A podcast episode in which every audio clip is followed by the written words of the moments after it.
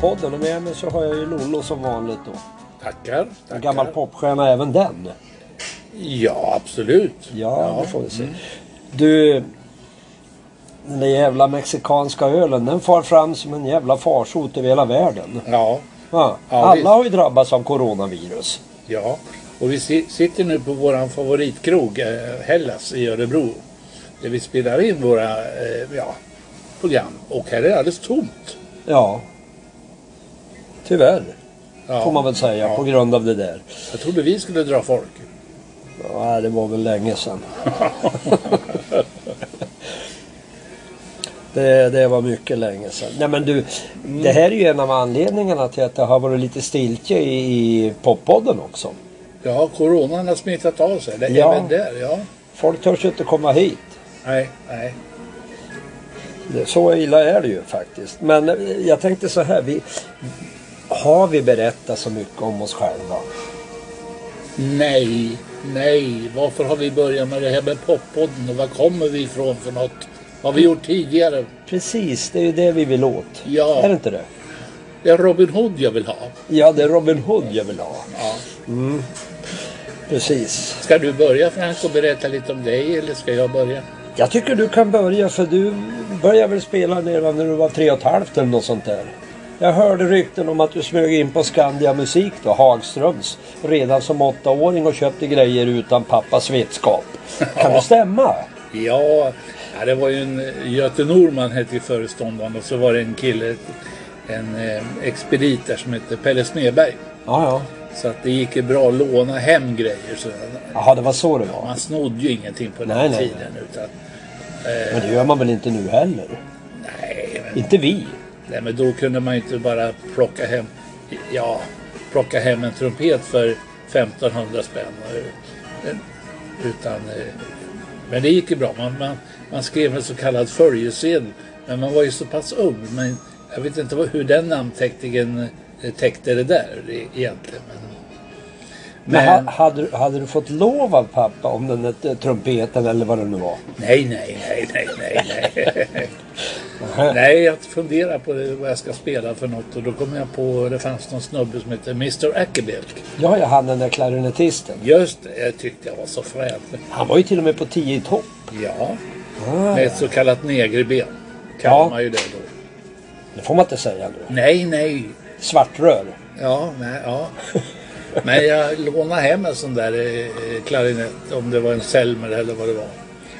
Och jag tyckte det var fränt. Det var så eh, bra ljud i den och, och så. Och, eh, och pappa sa, vad kostar den där? Så, ja, 1500.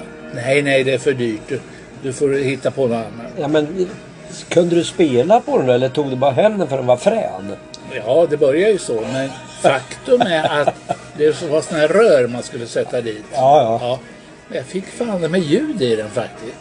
Och kunde lira den där eh, eh, Eckerbilt-låten lite grann. alltså. Ja, ja, ja. Men eh, det var ingen höjdare så det var ju bara att åka tillbaka med den där. Men! Den är- gick inte hem hos pappa riktigt. Nej, inte ekonomiskt. Nej. Nej.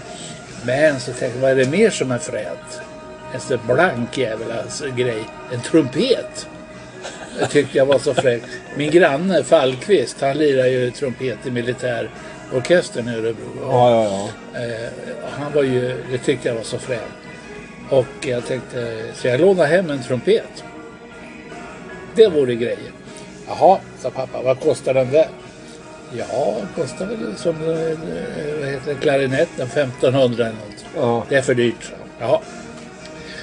Det var väl så... Lite små, snål Ja, gubben. ja, jag vet inte. Han var... Han trodde inte på din musikaliska ådra. Nej, och sen så hittade jag på i Hagström då också en Levin orkestergitarr. Så nu börjar vi snacka. Ja, precis. Den tyckte jag var frän och också... Och så en stor Ja, bumlig sak. ja, jag satte sedermera på en mick på den. Aha. ihåg. Ja. Men, eh, vad kostar den då? ja, sa pappa. Ja, Jaha. Ja 700-800. Det Ja, blir ja. bra. Det blir bra. Det är jättebra, sa pappa. Ja, det förstår jag. Ja. Då kom han undan billigt. Ja, trodde han ja. Vad då trodde han? Ja, sen vart det ju elektrifierat och förstärkare och ekon och Så han vart väl av med 30 000 där. Du skulle ha sånganläggning och grejer också. Ja, det var ju eh, extra allt hela tiden. Så det känner jag igen. Ja, och eh, eh, hade han tagit den klarinetten från början då hade, han klarat sig lindrigt undan. Det har bara kostat 1500, sen har det varit klart. Ja visst. Ja visst. Ja, ja. Jag tänkte så. Ja. Men det visste han inte då. Nej. Ja, frid vila över hans minne. Jo, det var ju så att brorsan, eh, han spelade med Göran Fristorp. De hade ju ett gitarrband där. en sån där Var det yngre eller äldre bror? Äldre bror. Ja, okej. Och det tyckte jag var så fränt så att eh, jag åkte ju med dem när de spelade på helgerna.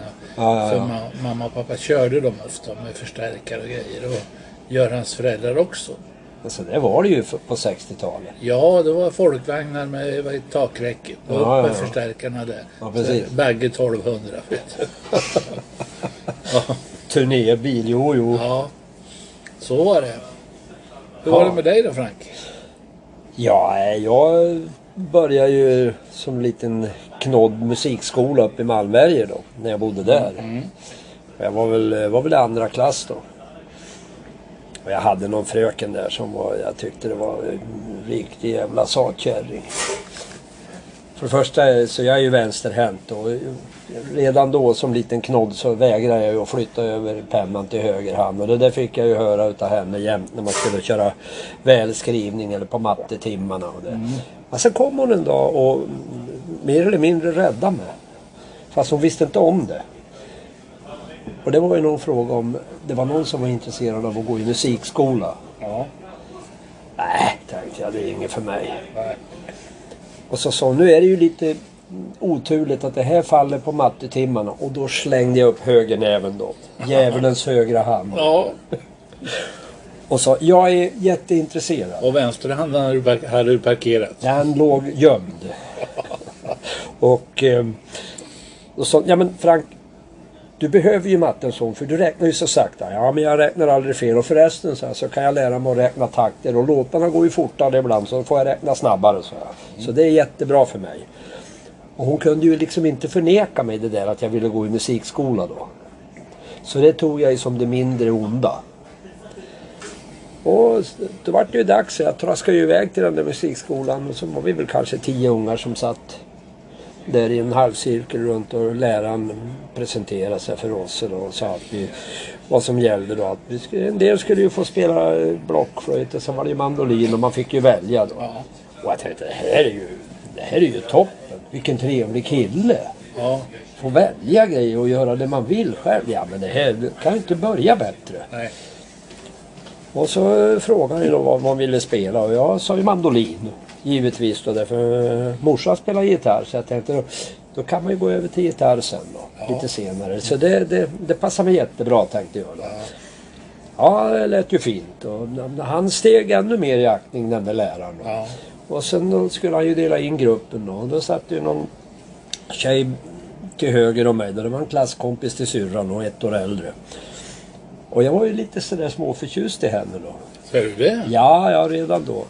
Och så började jag ju räkna den där läraren. Hon hade ju valt blockflöjt ska vi väl liksom då tillägga. Så började han räkna. En, två, tre, fyra, fem. Så stannade han vid mig då. Ja. Och så gjorde han så här. Ni, sa han. Ni spelar blockflöjt. Och jag vart ju, va? Så jag, jag valde ju mandolin. Vad ska jag spela blockflöjt för? Ja men jag räknade därifrån och dit och hon valde blockflöjt. Så det blir ju då, du, då är ju du den femte sa han. Den sista där. Ja. Så då åkte jag ju med på den där träblåsarsektionen. Skit tänkte jag då. Sen vände han sig om och började plocka med några papper. Så frågade jag han som satt till, till vänster om mig killen. Den sjätte mannen så att säga. Vad valde du? sa jag. Ja, jag valde ju blockflöjt sa han. Flytta på det så här, för fan vi byter platser. Ja. Så slipper vi det här. Så får du spela din blockflöjt så kan jag spela mandolin. Och då vände han sig om läraren. Alltså. Och tittade han. Nej, den där går jag inte på sa han. Och jag, vadå? Nej, nu byter ni plats sa han. Så jag fick ju flytta tillbaka till den där träblåsarsektionen då. Ja. Ja. Och fan, han hade ju liksom, jag skulle ju inte öppna truten där och protestera i första läget. Och jag kanske klarar mig. Då han inte notera mig. Ja. Men jag hade en plan som han eh, i Jönssonligan sa. Ja. Så att jag tänkte att det där ska du få för gubben. Jag ska bli bäst i klassen. Och varje lektion när vi satt där så lyssnade jag ju då liksom ordentligt på allt han spelade sådär. Sen hade vi någon sån där liten bok där man fick lära sig att spela. Du vet den här Björnen sover och lunka på. Björnen sover, björnen sover. Ja det var jättekul. Här kommer lilla Ludde. Oh, oh, ja, ja. Och jag läste i de där och jag läste i de där och tittade. Jag har de där prickarna. Så, ja, men så lärde de mig på flöjten hur det skulle se ut. Då. Bra tänkte jag. Så kom jag hem och så tränade jag på den där läxan jag hade fått. Och så tänkte jag, äh, bläddra en sida till. Och så såg jag, men det där ser ju likadant ut som det andra. Så jag började träna på den med. Och morsan var ju jätteglad. Hon sa, Frank han är så duktig, han är så idog och han tränar på den där blockflöjten. Det är så kul så. Och så när man kom tillbaks till skolan då veckan efter och han började spela upp den där. Så ska vi ta nästa veckas läxa sa han och så bläddrade han fram och då var jag redan liksom förberedd så jag började ju spela den där. Då. Kan du den där sa han läraren då. Ja men det står ju i papperna här så det är ju jättelätt. Det kan ju bara läsa. Och så där höll jag på i två år. Och jag imponerade ju stort på den där läraren på något konstigt vis. Ja, ja. Och det var ju bara ren ilska jag gjorde det där. Ja, För att jag inte fick spela mandolin. Sen hade jag bestämt mig efter två år att nej, nu är det ingen mer musikskola. Nu lägger vi ner det där. Nu spelar vi fotboll och lite annat sånt där istället. Och sen i alla fall så Innan skolan skulle börja då så kommer morsan en dag och säger hon Hörde du Frank Vi ska måste gå upp till musikskolan så för läraren vill prata med dig så. Nej, säger jag. Vi har pratat klart. Jag har slutat spela blockflöjt. sa han. Jag vill inte gå tillbaks dit. Då. Jo men han sa att han tyckte att du var bästa eleven. Så, ja det spelar ingen roll så jag. Jag får inte spela det jag vill. Då spelar det ingen roll. Jo men du skulle få vara med i skolorkestern säger hon. Mhm, tänkte jag. Ja men det här då tändes ju ett litet, litet ljus då. Litet en hopp. förhoppning, ja. Så att okej, jag följer med och tittar och lyssnar på vad han har att säga. Och vi kommer dit och han hälsar med sådär, hej Frank och det var väldigt sådär snällt. Och så, ja, vi tänkte att du skulle vara med i skolorkestern i hösten. Ja men vad kul, så jag. Får jag spela mandolin då? Eller gitarr? Nej, sa han. Du ska spela trombon. Nej du, så inget dragspel för mig. Kom mamma så går vi, så. ja. Nej men vänta Frank. Nej, kom så går vi så här. Ja men jag sa inte dragspel sa han. Nej det vet jag väl så här. Men så gjorde jag ju så här som man, när trombonen drar ju. Inget dragspel för mig tack. Så jag, kom nu mamma så går vi. Och så tog jag den sen drog jag iväg med Ja. Så gick jag därifrån, tittade aldrig tillbaks. Och så fick inte morsan spela gitarr på flera år hemma så jag hörde det. Han var ju lite småallergisk mot det där. ja. Så det dröjde ända till jag var ja, 12, 13 då innan jag började vakna till igen. Då. När man började lyssna på 10 topp och popmusik. Så liksom, det var där musikkarriären började då. Men sen flyttade vi ju ner då 65 till Örebro. Och då var det ju lite mera pop på det och då upptäckte man ju att det fanns en massa band i den här stan. Bland annat ett gäng som hette Alligators. Ja, och nu går vänner, vad är det ni lyssnar på egentligen? Jo, ni lyssnar på Poppodden i Örebro med Frankie. Ololo. Ja, och vi sitter och eh, berättar lite om våra karriärer och vad vi är för lirare och varför vi börjar på spela och varför Poppodden blev av överhuvudtaget. Är du inte nyfiken Frank på hur Alligators kom igång egentligen? Jo, jo, jag skulle vilja höra. Men det är som jag sa förut. Du, du var väl åtta år när du var popstjärna? Ja, men det börjar ju på Hagström Musik på eller Ja, med, Skandia. den där, med den där klarinetten. Nej, Jo, det var ju där det började. Men Ja. sen gick det vidare. ja men jag tänkte eh, hur vi kom igång med Alligators. Ja, ja, ja. För då hade gitarren kommit in redan i... Ja, ja. ja, klarinetten var glömd och trumpeten och alltihop. Men då var det Pelle Är Smedberg. det säkert? Ja. Eh, utan då var det gitarr som gällde. Och, Ja, ja. Eh, just det. Och då eh, var jag där och eh, skulle ha en gitarr. Och då Göte Norman tog fram en gitarr och sa det här är en väldigt fin gitarr. Så, Jaha. Och det visade sig att det var en eh, Gibson Les Paul, en Goldtop. Hoppsan. En eh, 1952 eller 53. Ja, ja. Jaha. Och- då, ehm, vad kostar den sa pappa? Ja, 800 spänn. Vill du ha den? sa. Ja, tack. sa han. 800 med originalcase och allting. Det blir nog bra men den ser för jävligt ut. Så det är en guldgitarr, det kan man inte spela.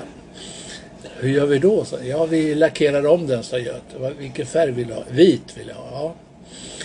Det är ingen svajarm på den. Ja men det fixar vi. Vi borrar dit en Hagströms tremar hette det. Och den fick man ju borra rakt in i träet för att få, få fästa. Och fy eh, fan, det här ja. är ju professionell hädelse på ett instrument. Ja, åtta. Jag har fått en halv miljon för den där idag. Om jag hade, ja, Minst. Minst. Ja, sagt och gjort i alla fall. Men så sa Pelle Smer, har han någon att spela med grabben här? Nja, sa pappa. Eller vi sa, jag har ingen, sa jag. Eller, men jag känner en kille som, som spelar trummor. Ja. Han heter Sjunne Ferger. Han är jättebra. Skulle Ja, vi inte ja. kunna eh, att ni träffas och sådär? Och det gjorde vi i alla fall. Jag tror det var på eh, Markbackens ungdomsgård, fritiden. Och han hade en eh, skolkamrat som hette Jörgen Hår Ja. som hakade på. Och så fick vi en, en kille som tror jag bodde där uppe i Barobacken som hette Anders Hallbäck. Så Okej. han var med på bas och han eh, sjöng ju mycket och Jörgen sjöng och sådär. Och eh, så vart det. Så repade vi där och sen tjo, körde vi runt med det här bandet. Eh, Sveriges yngsta popband vart vi ju. Ja, ja. Och jag har ju en dräpare.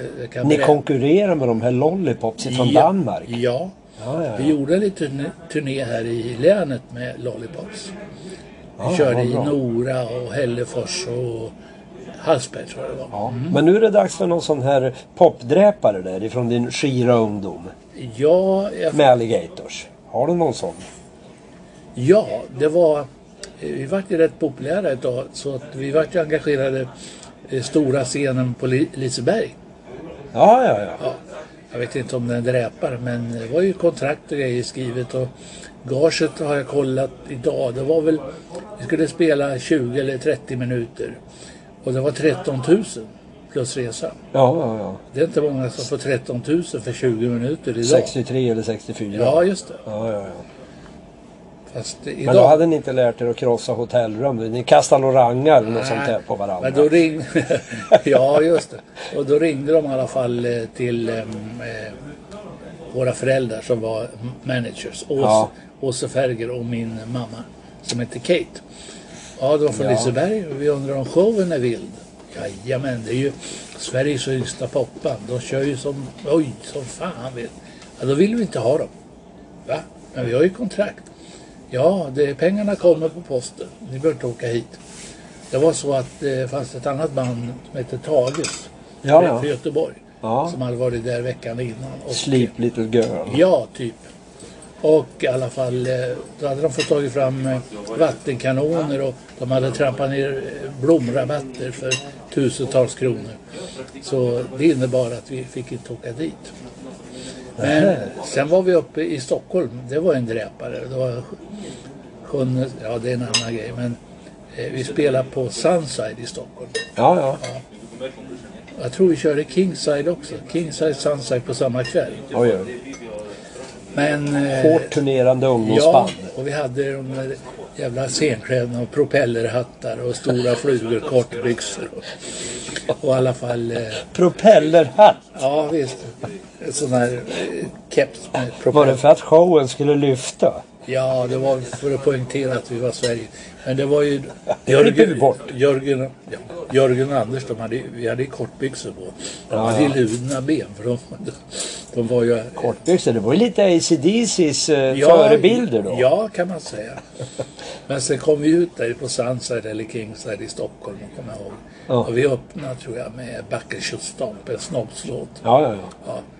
Och i alla fall eh, sprinten på Sjönnes eh, trumstol Ja. åkte ur champagne. Han får ner i golvet. Ja. Så innan han fick fart på den där. Men då hörde man kommentarer från stockholmarna när vi kom. Wow, har barnhemmet brunnit? Åh herregud. Ja, det där är det. Men jag menar, när du startade så tidigt så där, du, måste väl ha fått lite grann utav den här eh, Beatles-hysterin när tjejerna stod fram på scenkanten och, och skrek och ruskade på håret. Ja, det kan du ge dig fan på. Hällefors, då var vi spelade på Hälleforstoppen. Då var det poliseskort ut. Ja, ja, ja. Det var det. Ja, De det, enda, det enda jag har fått vara med om det är när gamla kärringar har kommit fram till mig och sagt att jag skulle sänka ljudet. Och man ruskar på peruken. Ja, Nej, jag har aldrig varit med om det. jo det har jag varit med om. Mycket. Ja. Ja, ja. Men sen kommer jag ihåg man var, spela. Och då var det tomt där och det var, det var en vaktmästare där ofta först och låste upp. Ja. Det kanske var i senare tid men, men och, och då eh, kopplar man in gitarren och testar lite. Det är för högt skrek Ja, vaktmästaren. ja, så var det ju jämt. ja. Så var det ju jämt. Ja. Ja, Jag kommer ihåg mitt första band. Det tror jag var... Jag startade då... i- Ja, det var ju här i Örebro på, eh, på Varbergagården. Jag lyckades skrapa ihop två eh, kompisar då. Jag kände väl inte dem direkt tidigare. Det är ungefär som dig då. Ja. Tore Söderberg och Conny Bäckström då. Så vi fick ju ha lokal där på... Tora lirar bas va? Ja, Ja, mm. på, på, eh, på ungdomsgården där. Så vi tränade där då. Och första namnet det var ju, vi hette ju Kindred Soul. Det hade jag läst i någon, det var någon serietidning. Så alltså Kindred Soul, outsläppta själar. Det Ja, passar bra. Det, ja. var, det var liksom lite vilt och det sådär. Det här var ju då 68. Så att det var ju det första bandet jag började spela med då. Jaha. Och, det. och sen, eh, ja, vi höll väl på där och trasslade. Så fick man ju då första spelningen man fick. Det var ju då, eh, man fick ju spela på, om det var någon sån här, på ungdomsgården någon fredagkväll och några låtar där man kunde. Ja. Man stod där och härvade och kände sig- de första liksom känslorna av att vara en popstjärna. Ja, de trevande stegen. Ja, ja, ja, ja, de trevande stegen. Och jag hade någon gammal, jag hade varit och köpt en förstärkare då på en radioaffär. Ja, O Sutela hette han som ägde den. Det var nere på Prinsgatan någonstans. Det var en, På väster. ja, Linjär Concorde hette förstärkaren. Den såg ut som en gammal brödrost. Och högtalarlådan hade jag byggt ihop själv och farsan hade kommit hem någon. Han hade hittat någon gammal byrå någonstans. Då. Jättebyrå då. Så att det var en, själva byrålådan hade han tagit med sig hem då. Mm. Ramen då. Så den använde jag som högtalarlåda och byggde då. Det var spånskiva på framsidan och spånskiva på baksidan. Sen stoppade jag in högtalare i den där och hade ju ingen aning om ja, impedanser och sånt. Jag bara körde in. Jag hade två gamla 10 tums radiohögtalare och en 12 tummare som jag hade köpt på den där affären. Jag kopplade ihop allting då. Sen brakade vi igång där inne och det läste och det fräste och det hade sig. Men det var fränt. Ja. Så så startade ju karriären. Vi har ju en omstart och det är så att du lyssnar på Poppodden med Lolo och Frank. Och eh, vi berättar lite anekdoter från eh, när vi började spela. Du, Frank och jag med Alligators och, och så vidare. Men sen gick ju du över, jag vet inte, vad hette nästa band? Var det Interrupter som var nästa band? Eller Ja, det... det kan man säga. Jag hade en paus med Benga Klingberg ett tag. Ja, ja. Med Roadrunners. Men, men, Ja, men det vart väl Interrupters då med eh, Bosse Malmström ja. till exempel. Kjell Hammer. Ja. Anders Ekstrand var Ja, med. just som är eh, körledare idag. Ja. Han har fått något diplom såg jag nu i tidningen, Anders. Jaha. Ja, ja. Så Ja. där är det. Ja, Men sen vart eh, Freddie Horns och Utah Kids, vart det inte ja. det? Men... Kommer jag ihåg jag såg er på Markbacken. Ja, Och då hade du ju lyckats igen med att förstöra ett instrument. ja, en Stratocaster. Ja. Ja. Och den jäveln hade du målat saffransgul och satt på en Rickenbacker mick på. Och det var du stolt över. Ja, Hur kan man vara det? ja, det undrar jag idag också. Ja. Men när vi kommer upp till mig sen, jag ska visa dig, har du sett min pokal där? Sveriges, eller eh, Bergslagens bästa popband 68. Det var eh, Utah Kids. Ja, ja. Jag har en pokal Ah, uppe hos mig. ja. ja. Okej. Det var en tävling i Lindesberg som eh, Union Jack, de var ju populära. Det var ett band från Linde, eller från Storå tror jag de var. Ja, ja. De an, anordnade en, en tävling i Lindesberg. Ja, Och då ställde vi upp. okej. Och då ja, det ju- hade vi en manager. Ja, han hjälpte oss med skivor och lite sådär. Lasse Karlsson hette han. Ja, ja. Och då hade vi en låt som vi eh, skulle spela in på platta med honom. Mr Lonely. Ja. Och så innan vi skulle upp och spela där. Tjolle var med tror jag. Lasse Wilander i, Ja, något band där. Om det var Relations eller. Reaction. Relaxation. Ja, Ja. Och då kom Lasse och sa. Du, Lolo, kom hit. Jag pratar med dig. Vet ni vad? Nu kör ni Mr Lonely, då vinner ni det här. Så. Va? Vi hade tänkt att köra en annan låt. Nej, Ja. ni ska köra Mr Lonely. Då vinner ni. Så. Mycket riktigt, vi körde Mr Lonely och vann. Ja, vad härligt. Ja. Du ska få se bucklan. Ja. ja. Ja, ja, jag var ju med i Poppanstävlingen också men det var ju när det, Sveriges Radios Poppanstävling. Ja. Jag har fortfarande inte sett vad vi fick för placering i kvalet. Nej. Det, det kommer jag inte ens ihåg. Men... eh, Ja, då var ju faktiskt Bela Svärdmark var ju med oss då. Han hade ju hoppat med oss då. Så att han hade ju fått... Ja, jag vet inte om han hade hört något rykte om oss. Han gick väl på Varbergagården när vi tränade där. Och sen rätt vad det var så frågade han om han fick hoppa med i bandet. Ja. Ja, tänkte jag, det spelar väl ingen roll. Nej. Så att han fick ju hoppa med. Och genast så förstod jag då att han skulle bli sologitarrist. Ja. För Han kunde ju spela sologitarr. Ja. Och ja, jag tänkte väl ingenting på det där för jag kunde ju inte spela några solon. Så för mig så spelar det ju ingen roll. Nej. Och sen, eh, ja vi höll väl på där och harva något år och vi hade lite spelningar och så. Sen runt om på ungdomsgårdar. Och sen i alla fall, jo första spelningen vi hade utanför Varberga. Ja. Det var ju på Oxhagens ungdomsgård. Ja.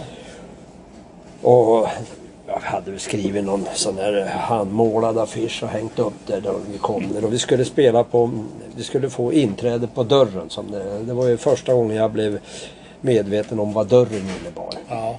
Och eh, i alla fall så Ingen sånganläggning hade vi så den fick vi ju hyra en och då hade ju han eh, på Hagströms musikkillen som jobbade där, Smedberg då, han hade den. den fick vi ju hyra då. Det kostade ju 50 spänn. Ja det var ju bra det. Och sen när vi skulle åka till den där spelningen då, ja då tyckte ju Bela att, ja vad fan vi måste komma i stor stil. Vi är ju rockstjärnor. Visst. Så han ringde ju efter en taxi. Och så sa han, ta den största ni har sa han. Var det mycket, ja, Ja, vi har mycket grejer. Vi ska iväg med. Jajamän, det kom ju, kom ju en sån där checker då. Stor Ja, gammal stor, jävla. ja, ja, visst. ja. Och vi lastade in alla våra prylar i den där då. Och sen kom vi dit till ungdomsgården i Oxhagen då. Parkera utanför i stor stil då. Lasta ur allting ur den där checken då. Ställer upp och det och lirar på kvällen då. Vi hade väl inte så mycket låtar då. Vi trodde vi skulle spela ungefär ja, en timme eller något sånt Ja. där. Nej, det var ju helkväll sa de. Så det vart ju för fan som ett dansband. och vi hade ju inte så mycket låtar då. Och Bela han sa Kör Shake Money Maker sa han då igen. Ja, ja visst det kan vi väl göra då. Och så sen gick det en stund igen, vi körde lite grann. Och sen, att, ja, nu skulle vi lägga av. Nej men fan det är ju tid kvar sa han. Kör Shake Your Money Maker då. Ja. Och när vi körde den där Shake Money Maker femte gången. Så, nej, nej, inte nu igen. Nej. Och i alla fall, vi klarade oss igenom den där kvällen och sen, sen då skulle vi dela upp gaget då. Totalt sett så hade vi fått ihop 85 kronor då. Jag ryckte ju 50 spänn för det var ju hyra av... Eh, Sånganläggning. Jajamän. Ja. Och sen tog jag ju betalt för taxin som hade varit då. Och så ringde vi efter den där checken igen. Och så kom och hämtade oss. Och frågade vad det skulle kosta till Varberga då. Han sa priset då, och det slutade ju med att då fick ju inte alla plats i bilen. Nej. Utan uh, trummisen fick ju gå hem till Varberga. Det var ju Ja. inte så långt mellan Oxhagen och. Varberga. Men Conny han fick ju gå till Varberga och vi andra åkte taxi. så, det var ju första spelningen vi hade utomlands så att säga. Ja, ja, ja. Och så sen, eh, sen var vi med på någon sån här poppanstävling på eh, våren sen då. På, eh, var vi på eh, Södertorget här då. Utanför Kräman. Och bland annat så var ju då ett band med Finn Sjöberg och eh, lite eh, mera ja, drivna musiker med Ja. där då. Och Bela han gick ju på tekniskt samtidigt som Sjöberg. Han har ju gått och sagt att vi ska ju spela de och de låtarna där då. Var ju Fleetwood Mac-låtar. då. Ja visst. Så att vi kommer att vinna det där sa han. Och vi ställde ju upp oss där och så sen det andra bandet då körde ju före oss och då körde de ju dem med två låtar. Vi skulle spela två låtar då. Ja. Och då körde ju de dem. Och jag tänkte, fy fan, jag kan inte köra båda de där låtarna. Jag får göra en kupp här då. Så att vi körde ju första och det var ju då Stop messing around. Sen skulle vi köra Shake Your Money Maker. Och då sa jag, ah, nu ska vi köra en riktigt fin låt här som heter I Feel Good. Ja. Och Bela han ställde sig där på till andra sidan och stirrade på mig då liksom och vart jätteilsken. Men vad skulle han göra då? Så vi drog ju igång den för jag hade ju sagt till trummisen och basisten och Tore och det. Ja. Vi kör I feel good då. Vi måste göra en kupp den där. Ja. Ja, James Brown. Så den körde vi då. Och som vanligt så vann vi ju inte. Utan vi kom ju trea. Ja. Och Bela han vart ju så ilsken då för det där. Då. Han tyckte att jag hade förstört det där. Och det vet jag inte om jag hade gjort. Men... Nej. Och det är ju preskriberat mellan oss nu sedan många år. Ja, ja, ja. Men i alla fall på kvällen då så sa han. Och det bandet som vann skulle ju få spela på en popgala på Markbacksgården. Ja. Och eh, Bela sa jag ska gå ner dit så jag ska ta med mig gitarren och sen ska jag hoppa upp i band och sen ska jag lira jävlar anamma. Ja. Nu vart det väl inte riktigt så men vi kom i alla fall in där. Ja. Gratis. Ja. Tack vare att vi hade varit med i Poppanstävlingen och, Ja, ja. och fick se det. Jag tror det var Ja det var både Slam Creepers och Anna Binox och sen var det Troublemakers ifrån Skåne var det. Ja. Och, eh, så, där, sen, så det var en stor popgala. Det var ju många, många sådana där galor på Markbacksgården och överallt. Och så, så där startade vi och sen har vi varit med andra band och sen ja. Efter det där då så 80-talet så då brakade det väl igång med dig och mig. ja. Och eh, ni lyssnar på Poppodden Örebro med eh, Lola Andersson och Frankie Sjöström. Ja. Och eh, vi sitter och minns lite och tänker tillbaka på det vi har varit med om i band i Örebro.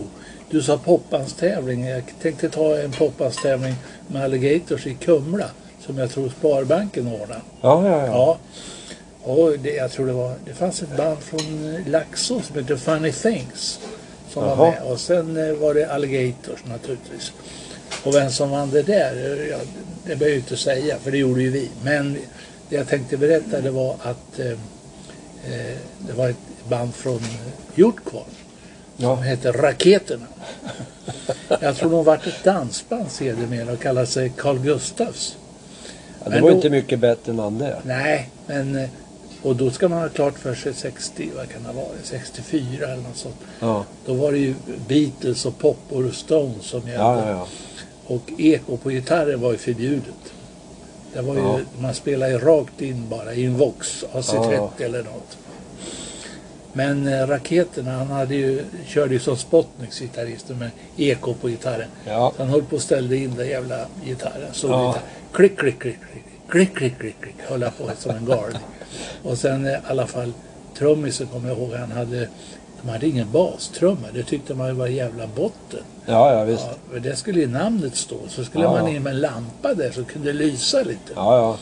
Så man tog ju ofta med en trummis eh, som var, som var sämre än en bättre, som hade baskagge. Ja, ja, Ja, ja. det tog, för då kunde man skriva namnet. Men hur det var i alla fall så eh, presenterade, var ju konferencier som kom fram, var ju allvarliga grejer ja. innan vi fick priset med Alligators. Ja. Men då i alla fall så eh, skulle de presentera raketerna. Mina damer och herrar, nu kommer raketerna från Hjortkvarn. Då skrek publiken, skjut iväg de jävlar. Ja, ja så där kan det vara. Det var i Kumla. I Kumla. Kumla. Ja. Ha. Har du någon? Ja, vi har massor med såna här grejer att Berätta. men vi måste spara lite på det. Men Ja. jag tänkte vi kunde drälla igång med någonting som du och jag har varit med om tillsammans. Ja, När vi slängde oss in på countryrockscenen och bestämde oss för att nu jävlar anamma. Ja, och då var det ju, det var ju inte meningen att, eh, Det skulle bli något band. nej, utan vi skulle ju spela lite som ungefär andra, andra tränar tennis eller något. Eller Bara hålla igång. Ja, korpfotboll. Ja. Och då drog vi igång det där. Då var det ju tv och skivor och det var Turnéer. Och... turnéer. Och sen när du slutade, vi var i Tyskland och spelade. Ja. Så det var, ja, då var det allvar helt plötsligt. ja. Det var fint. Ja, det var fint. Och det var Salasso band. Ja, Var det. och du skrev många låtar där, kommer jag ihåg. Ja, jag var produktiv där ett tag. Ja, Så det, men det där går i vågor. Ja, det är Så sant. att det är ju, man hittar ju då lite inspiration från de man lirar med och så sen Mm. ja, liksom miljön som man befinner sig i tycker jag då. Mm. Och det var ju det då. Vi spelade, vi skulle ju göra någonting som vi tyckte var lite annorlunda. Jag hade ju hållit på att lira ja, mycket rock och blues då liksom och Mm. sådär och ZZ Top och hade influenser därifrån. Och Greger kom ifrån ja, klassisk country. Country Road, ja. Och du kom ifrån poppen Ja. mer eller mindre. Ja. Ja. och rock också då. Men eh, sådär så det blandade vi ju ihop då. ja. Och då vart det ju countryrock. ja. Så att det vart ju en bra mix. Så vi var väl det första countryrockbandet i Sverige vad jag vet. Rock and roll the country way. Ja, det hette plattan våran. Ja, det gjorde det. Ja, det var en kul period. Mycket. Och en annan kul resa, det var ju Lummelunda grottorna. Men det ska vi inte ta här. Det kan vi ta någon annan gång. Men jag kommer ihåg i alla fall att det var en svalkande upplevelse. Ja, Vi får väl avsluta med den idag. jag tycker det. Ja, och som sagt. Eh, det här är ju istället för en intervju med någon annan. Tack vare Corona. Ja, just det. Vi vill tacka Corona för detta. Jajamän. Så må ni ha en bra vecka ute i poddetern allihopa. Ja. Och lyssna gärna på våra andra poddar. Det börjar med Göran Fristorp och slutar någonstans. Jag vet inte var det är. Ja, det senaste var ju då Staffan Ernestam. Ja. Mm. Men ni får inte glömma bort Kai Klevik. Nej. Kai Klevik är jätte... Som tog hit Rolling Stones. Ja. Det är en Så höjdare. att, jajamän. Så lyssna på, på podden Örebro. Alla dessa avsnitt. Så hörs vi av igen. Tack och hej. Nu stänger vi butiken. Jajamän.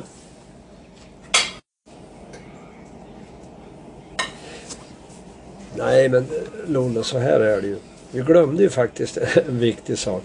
Vi har ju faktiskt haft två mammor som har varit med och styrt och ställt lite i, och påverkat vårt musikliv. I alla fall min morsa. Ja, det ska gudarna veta. Ja, hon kunde ju spela vilken låt som helst på de tre ackord hon behärskar. Ja. Och det är en konst som jag faktiskt inte har lärt mig än. Nej. Nej. Men jag kommer ihåg då när vi hade flyttat ner hit till Örebro. Det här måste ha varit 67 eller något sånt där. Oh. Ja, 68. Hon kommer hem, hon hade varit uppe på stan. Och så sa hörde Frank, sen hon. Vet du vilka jag träffade idag på stan? Nej, har du träffat någon jag känner? Så. Nej, jag träffade ju de där Kiruna-pojkarna, Shanes. Ja, var då någonstans? Ja, Ja men de stod där på Järntorget och jag gick ju fram och pratade med dem då sa hon då. Ja men tog du inte autograferna då? sa jag. För det var ju mina stora favoriter. Vad ska jag göra det för? Så. Det är norrlänningar, de kommer från Kiruna, det är väl inget. Ja men det är ju Shanes. Ja, de kommer från Kiruna i alla fall hon då. Sen var det färdigdiskuterat. Ja. Har du varit med om något sånt där? Ja, eh, min eh, mamma och eh, pappa reste lite grann och de flög inte så mycket. De åkte tåg och buss. Och då hade de varit i Göteborg på Centralen och satt och väntade på ett tåg om det var till Örebro eller vart det var. Och då hade de, då sa hon, eh, Hans, eller Olle eller hon kallar mig, eh, vi träffade några eh, trevliga engelsmän. Jaha, U2 stod det på gitarrfodralen. Fast har du träffat U2? Så. Ja, jag satt och pratade med en kille där. Mamma kunde lite engelska. Så Ja. Bon, Bono hette han visst. Bon. Så. Han var jättetrevlig. Och så där, jaha, har du träffat Bono? Så jag, ja. ja. Om det var i U2 så. Ja, U2 så. Så hade mamma suttit och pratat med honom på Göteborgs eh, central. Och Ja. jo, jag tror de skulle över till England med någon båt där mamma och pappa. Ja, ja, ja. Och, eh, och eh, var de väl inne på någon pub där i, i London och satt de och pratade med eh, Keegan, hette han, en fotbollsspelare. ja, ja, ja. Kevin Keegan. Kevin Keegan. Så hon var inte även, däven höll Hon var som min morsa då. Det var, ingen var för stor för henne utan det var bara vanliga människor. Ja, ja, Och du då liksom, oh you too. ja visst. U2 sa Ja men du knäckte mig där. De var ju lite större än Chains. Jag tror det. Ja, ja. Då vill jag inte höra något mer. Nej, Hej. jag heller. Hej.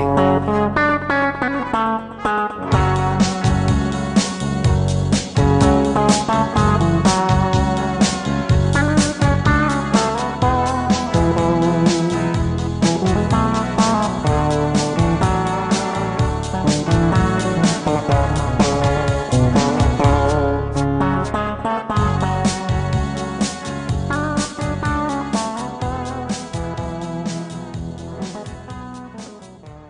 Tjena Lollo, läget? Ja, det är bra. Det är jättebra. Är det Ja. Hörru du, vi skulle ju ha Lasse Welander.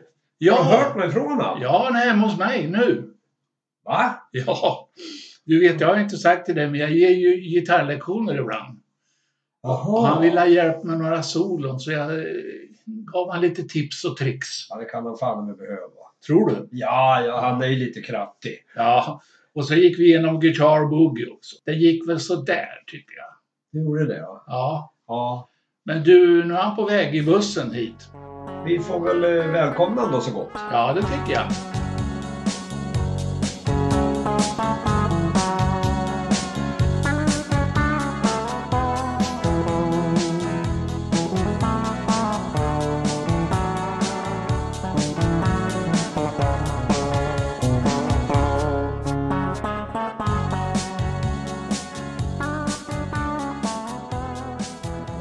Är poppodden igång igen i coronatider och idag så har vi med oss en eh, celeber gäst ifrån, eh, han bor ju ute i Åsbro har han själv sagt.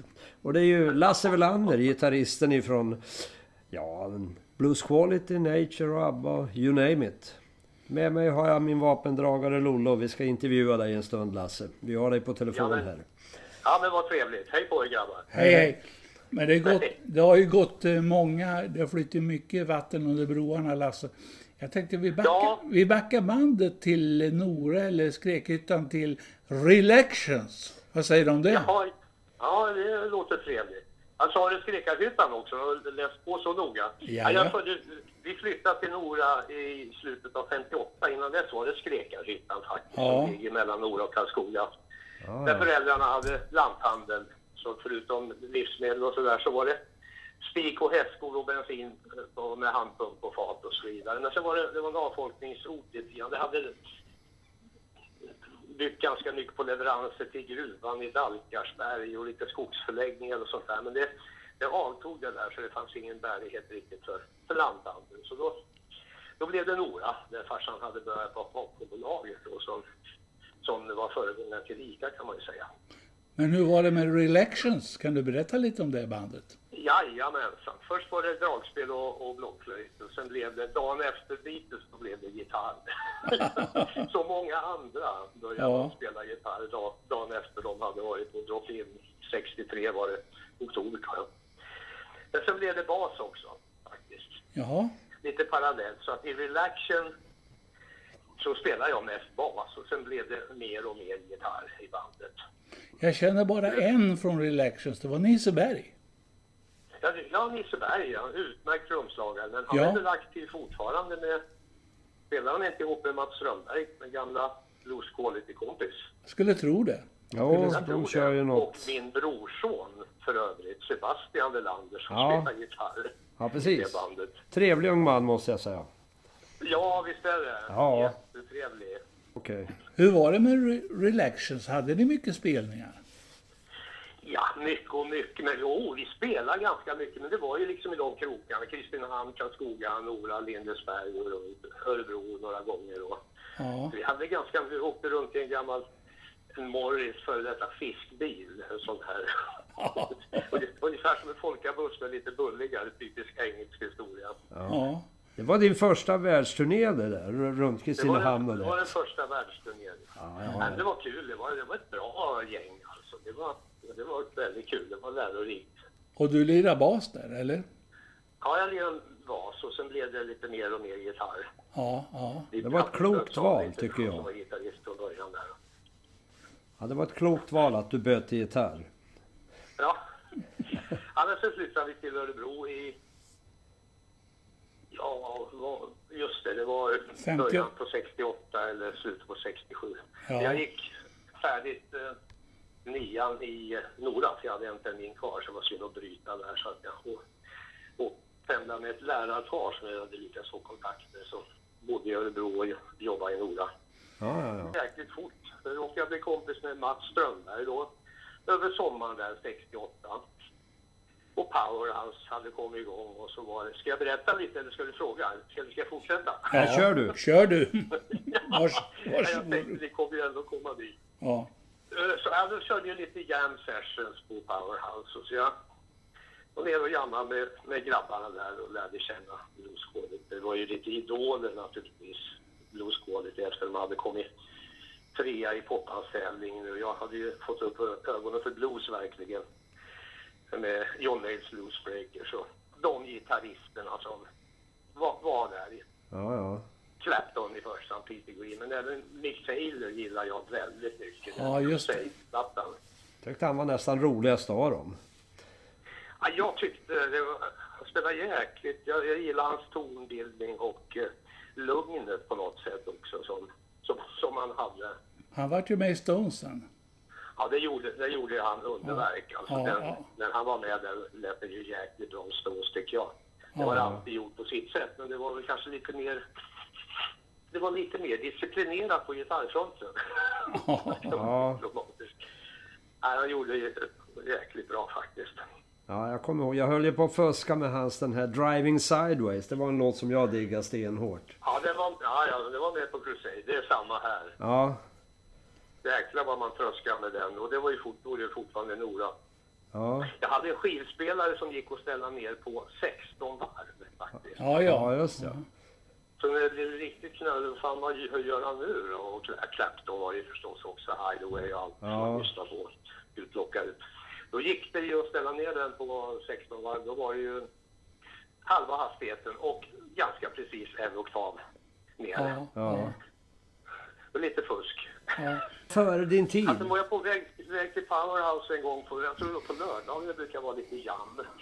Och jag Ja. vet att det var den där vevan som sjöng Färger då hade fått kontakt med Peps. För de hade ingen sångare i Blueskålet. då. Det Nej. hade varit kille som hette Björn Johansen som hade slutat. Ja, just där. det. Det kommer jag ihåg. ja. Ja, Jaha. och med en kortare period som jag fattade det. Ja. Ja. Spela sax också. Men då blev det så. Jag var på väg med min Les Paul i handen till Powerhouse på eftermiddagen där. För att jamma lite. Och, Ja. och då stannade en folkabuss, ganska hippiemålad kan man säga. Ja. Och, och frågade efter vägen. Vad är Powerhouse? Ja, men jag är på väg dit. Jag kan visa vägen. Ja. och då var det Peps och lite, några kompisar. Ja. Så det var väl första gången han var, träffade dem och inledde ett samarbete. Sen var jag med och jammade med dem på kvällen. Sen, Tommy Svensson då, den otroligt förnämliga gitarristen Ja, som tyvärr inte Ja. finns kvar längre. Eh, han hade redan då lite tankar på att sluta i bandet. Ja. Varför vet jag inte. Jag tror han tyckte att det var lite, blev lite, lite för mycket jobb med dem. Det var mycket resande och jag vet faktiskt inte riktigt. Så det blev väl så att först var jag med några gånger när han inte var med. Då vickade jag helt enkelt. Och det var ju otroligt att komma en skit från Nora och så hoppar man in för Tommy Svensson i Blueskålet. ja. Ja, ja. Tommy Men så var... var vi med några- ett antal gig så spelade vi båda två tills han bestämde sig för att sluta helt enkelt. Ja. På hösten där någon gång. Nej, Tommy var ingen lek. Nej, otrolig. Ja, otroligt. Otroligt bra. Ja. Verkligen. Och på allt möjligt. Sen när jag pratade med Åse och eh, det var lite dåligt med jobb. 68 tror jag det var. Då fixade hon jobb med Emil Ford och drog iväg i parkerna. Så det tror jag var 67, Ja, om jag minns rätt. för brorsan, vad sa du, 67? Ja, jag tror det. Ja. Men det, det står faktiskt där. Det har jag dubbelkollat med säkra källor. Men då hette, jag vet att de hette T.S. People då i alla fall. Men Ja, det är det riktigt, det var Emil Ford. ja. Var det TS People före Blues Quality? Ja, T.S. People. Ja, det var före Blues Quality alltså. Ja, Så sen Det var vart det Blues gäng. Quality där. Okej. det böts väl basist i samband med att det blev Blues Quality, om jag minns rätt. Annars var det var ju samma gäng. Ja, ja. Det fanns en, en basist som var från Gotland, Gottis kallar de honom. Han, ja, en gotlänning. En stund var han med. Ja, ja. Ja, jag, jag kommer inte ihåg vad de hette de som... Nej. borde jag göra eftersom jag har skrivit om. Jag skrivit, det har varit så jäkla mycket sådana här skrivande så att jag Ja. inte ihåg just. Det var 17 hette... Tobbe hette väl någon va? Ja, Ja. men det, det finns där i alla fall. Ja, Tobbe, det är min Ja, Ford hade ju stora hits med Still var väl Ja, still. What do you want to make the size of me for? Den också, ja precis. Nej, Tobbe, det är min bror, vet du. Ja, det är det ja. Ja, jajamän. Just ja, det är det ju för sjutton. Jag glömmer aldrig när vi bodde på Utgårdsvägen på norr i Örebro. Då kom Emil Ford in och hämtade brorsan för eh, spelningen. Okej. Med en sån här eh, Ford Fairline med träsidor och så stod det Emil Ford Show på släpet. Och, gra- och jävlar vad gran- grannarna glodde vet du. Ja. Men du, han, han var med, då brorsan han var med i TS People va? Ja, ja. Så ja, då har är vi det. kommit dit. Har Ja. vi kommit dit? Ja. Jag tänkte på lite grann av det här nu när vi nämner ändå Blues Quality. Mm. Eh, när ni var över till England. ja. Och jag kommer ihåg att, eh, ja, ja, de fick inte, Bosse Skoglund fick ju inte följa med där. Nej, Och, det var riktigt här. va? När han hade mediciner som var, som var lagliga och utskrivna. Ja. Det gick inte. Och TV, vad heter han, Rolf Nordin va? var ju med team och skulle filma den. Ja, just att- Jag vet inte om det finns något filmat, men det blev väl att vi gjorde två jobb med någon engelsk. trummis ja. Ja, Jag kommer ihåg när man fick se då liksom, det var ju något tv-program där man såg ju då när Peps... Ja, han var väl inte riktigt nöjd men han hade... det är klart att få, få någon som är som Bosse där alltså. ja. Vi var ju, vi var ju samspelta liksom. Mm.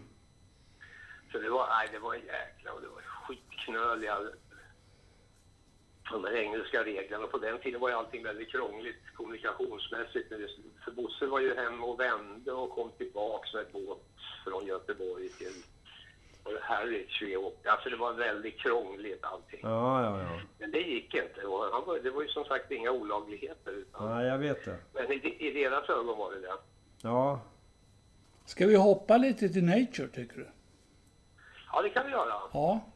Jag kommer ihåg att ja, jag spelade ett annat band i Västerås och då, då kompani Ted på stora scen. Vi spelade lite ty- typ av dansmusik på någon, ja vi hade diskotek med. Och, och Ja, då gick vi upp på scen och då kom Per David, han hade en, en liten kylväska som han sålde lite, lite grejer i, kommer jag ihåg. Ja, där hade han säkert en flaska whisky också. Ja, han hade sådana här mätglas och grejer. Han slog upp och grejer.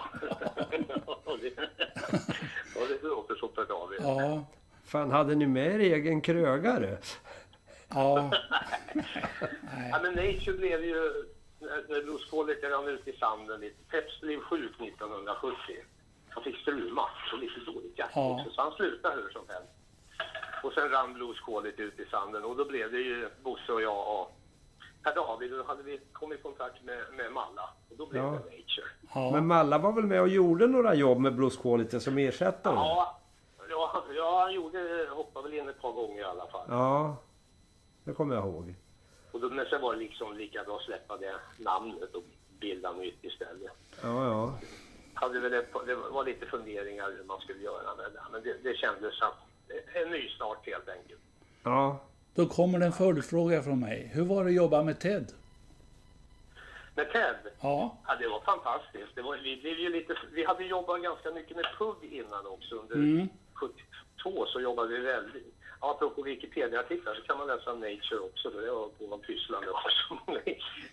Det- när man väl börjar så är det kul att reda upp allting och komma ihåg hur det var. Det blir mycket faktakoll och sånt där. Och de här Wikipedia-administratörerna de kan vara lite knöliga att ha att göra med för det gäller att ha belägg för allting. ordentligt. ja, ja. ja. Men nu är mål ganska ordentligt med det där. Men visst, det, vi blev väldigt glatt och lite förvånade. Glatt överraskade och lite förvånade när de tog kontakt med oss om att kompa till. Vi,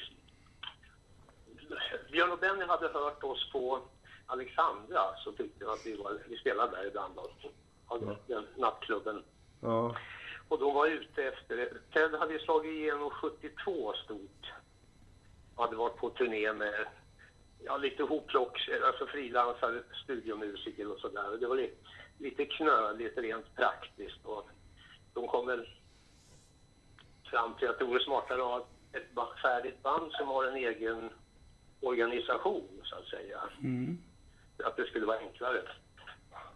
Och då föll valet på oss. Och vi tycker, ja, det var ju lite konstigt. Det var ju ett bluesrockband. Även om vi spelade lite annat också. Men det var ju skitkul det passade oss väldigt bra för somrarna var ju lite, lite vakuum. Vi spelade, ju mest klubbar och sånt där på Ja, ja. resten av året och det var ju fantastiskt. Och alla, man gillar ju Teddy även om det inte var vad vi sysslade med. Han var ju liksom, det var ju oemotståndligt hans låtar helt. Absolut, Det, det var absolut. skitkul. Det Absolut. var fantastiska år.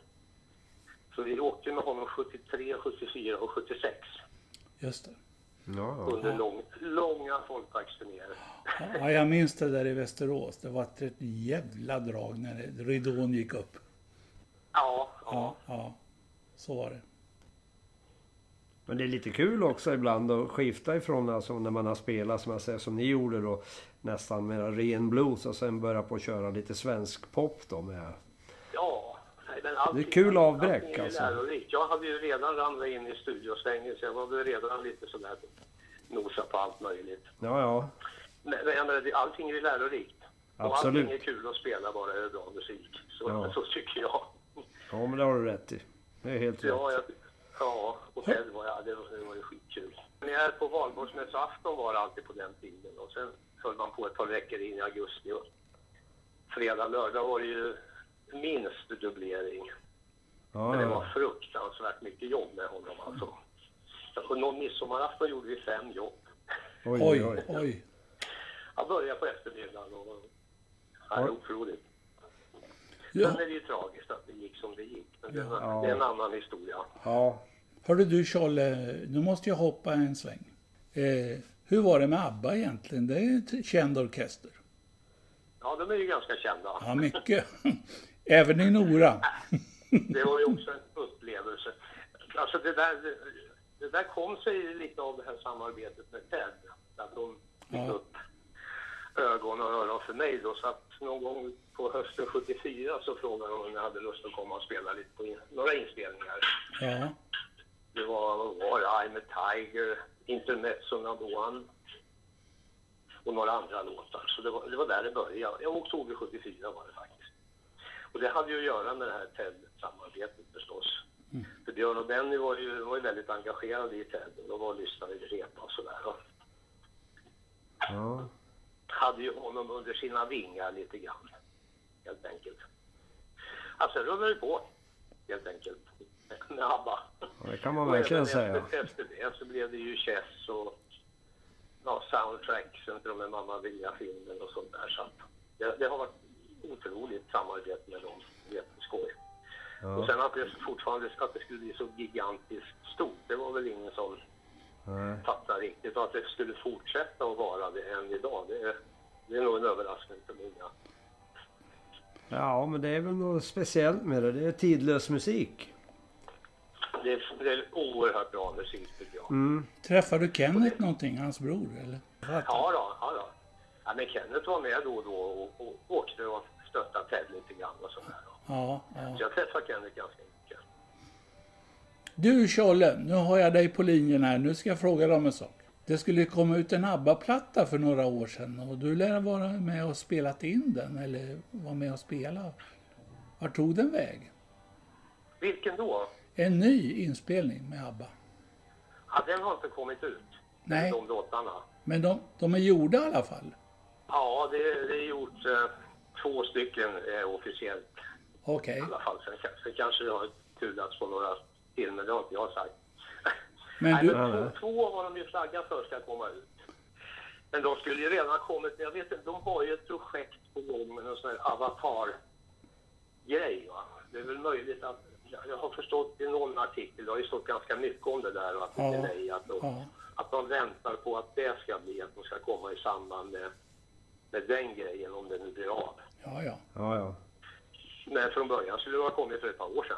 Ja, Ja, jag ja. vet, jag vet. Men det är inte tal om någon ABBA-återförening? Nej, det, det kan jag aldrig tänka mig faktiskt. Nej, nej. Du behöver inte säga så mycket, men du kan väl eh, säga i alla fall hur lät det? Det kan du väl säga? Lät, Skit. lät det Ja, det ABBA? låter skitbra. Det låter... Och tjejerna sjunger lika bra som någonsin alltså. Det är Vad- otroligt. De här rösterna är... De är kvar som de var. Vad roligt. Ja. Det är kul. en uptempo-låt och en ballad kan man väl säga. Ja. Ja, det lå- låter kanon. Det låter ABBA. Ja. Då får vi hoppas den kommer så småningom. Ja, det, är just, det, det måste det ju göra, annars är det, ju väldigt synd. Jag, jag tror att det ska väl tajmas in noga med övriga grejer och jag tror att det handlar om det där Ja, ja. Avatar-projektet då. Att Ja. det är i så fall då de skulle komma. Du, Det, det, det är kom, väl det som har dragit ut på tiden lite grann tror jag. Det kom ju ut ett band som man, ni kallar er Skifs. Vad tog det Ja. vägen? Det, det vart kort. Ja, det blev väl under 1980 i princip. Ja. Det var Björn, Björn. och, Ja, Björn det var Björn som... Vi hade ju spelat lite ihop, eh, lite andra... Han gjorde ett... Det började suga lite för honom att vara lite vanlig bandkille igen. Ja. Han hade gjort mycket underhållning och Eva Rydberg och Lasse Kühler. Ja, diverse shower hade han ju börjat med. Även någon Börsen-grej var det väl. Så han ville väl liksom vara rockmusiker igen. Ja, ja. Creepers. Så redan 78 åkte vi någon grej som trummades ihop som ett Björn Skifs och Vision. Ja, Där vi var ett jäkla gäng och alla var med och valde lite låtar. Ja, det var mer som ett band på Björns önskemål. Vi spelade lite stil i den låtar och allt möjligt. Väldigt blandat. Och några Skifs hits också. ja, Men sen ja. 80 då var det, då var det ju Little Mike. Mike Watson, Ja. Tino Mariano, Peter Nilefors, jag och Björn. ja. Ja, från början var det Roger Palm på trummor förresten, och sen blev det Peter. ja, ja, ja. Ja, och eh, vi gjorde en LP och släpptes väl ett par singlar från den. Sen ryckte det nog. Det hände väl inte så mycket som kanske var önskvärt tror jag. Så det blev, Björn gav nog, gav nog det här något år i princip och sen tror jag att det var någon börsen-grej på gång igen. Ja, ja.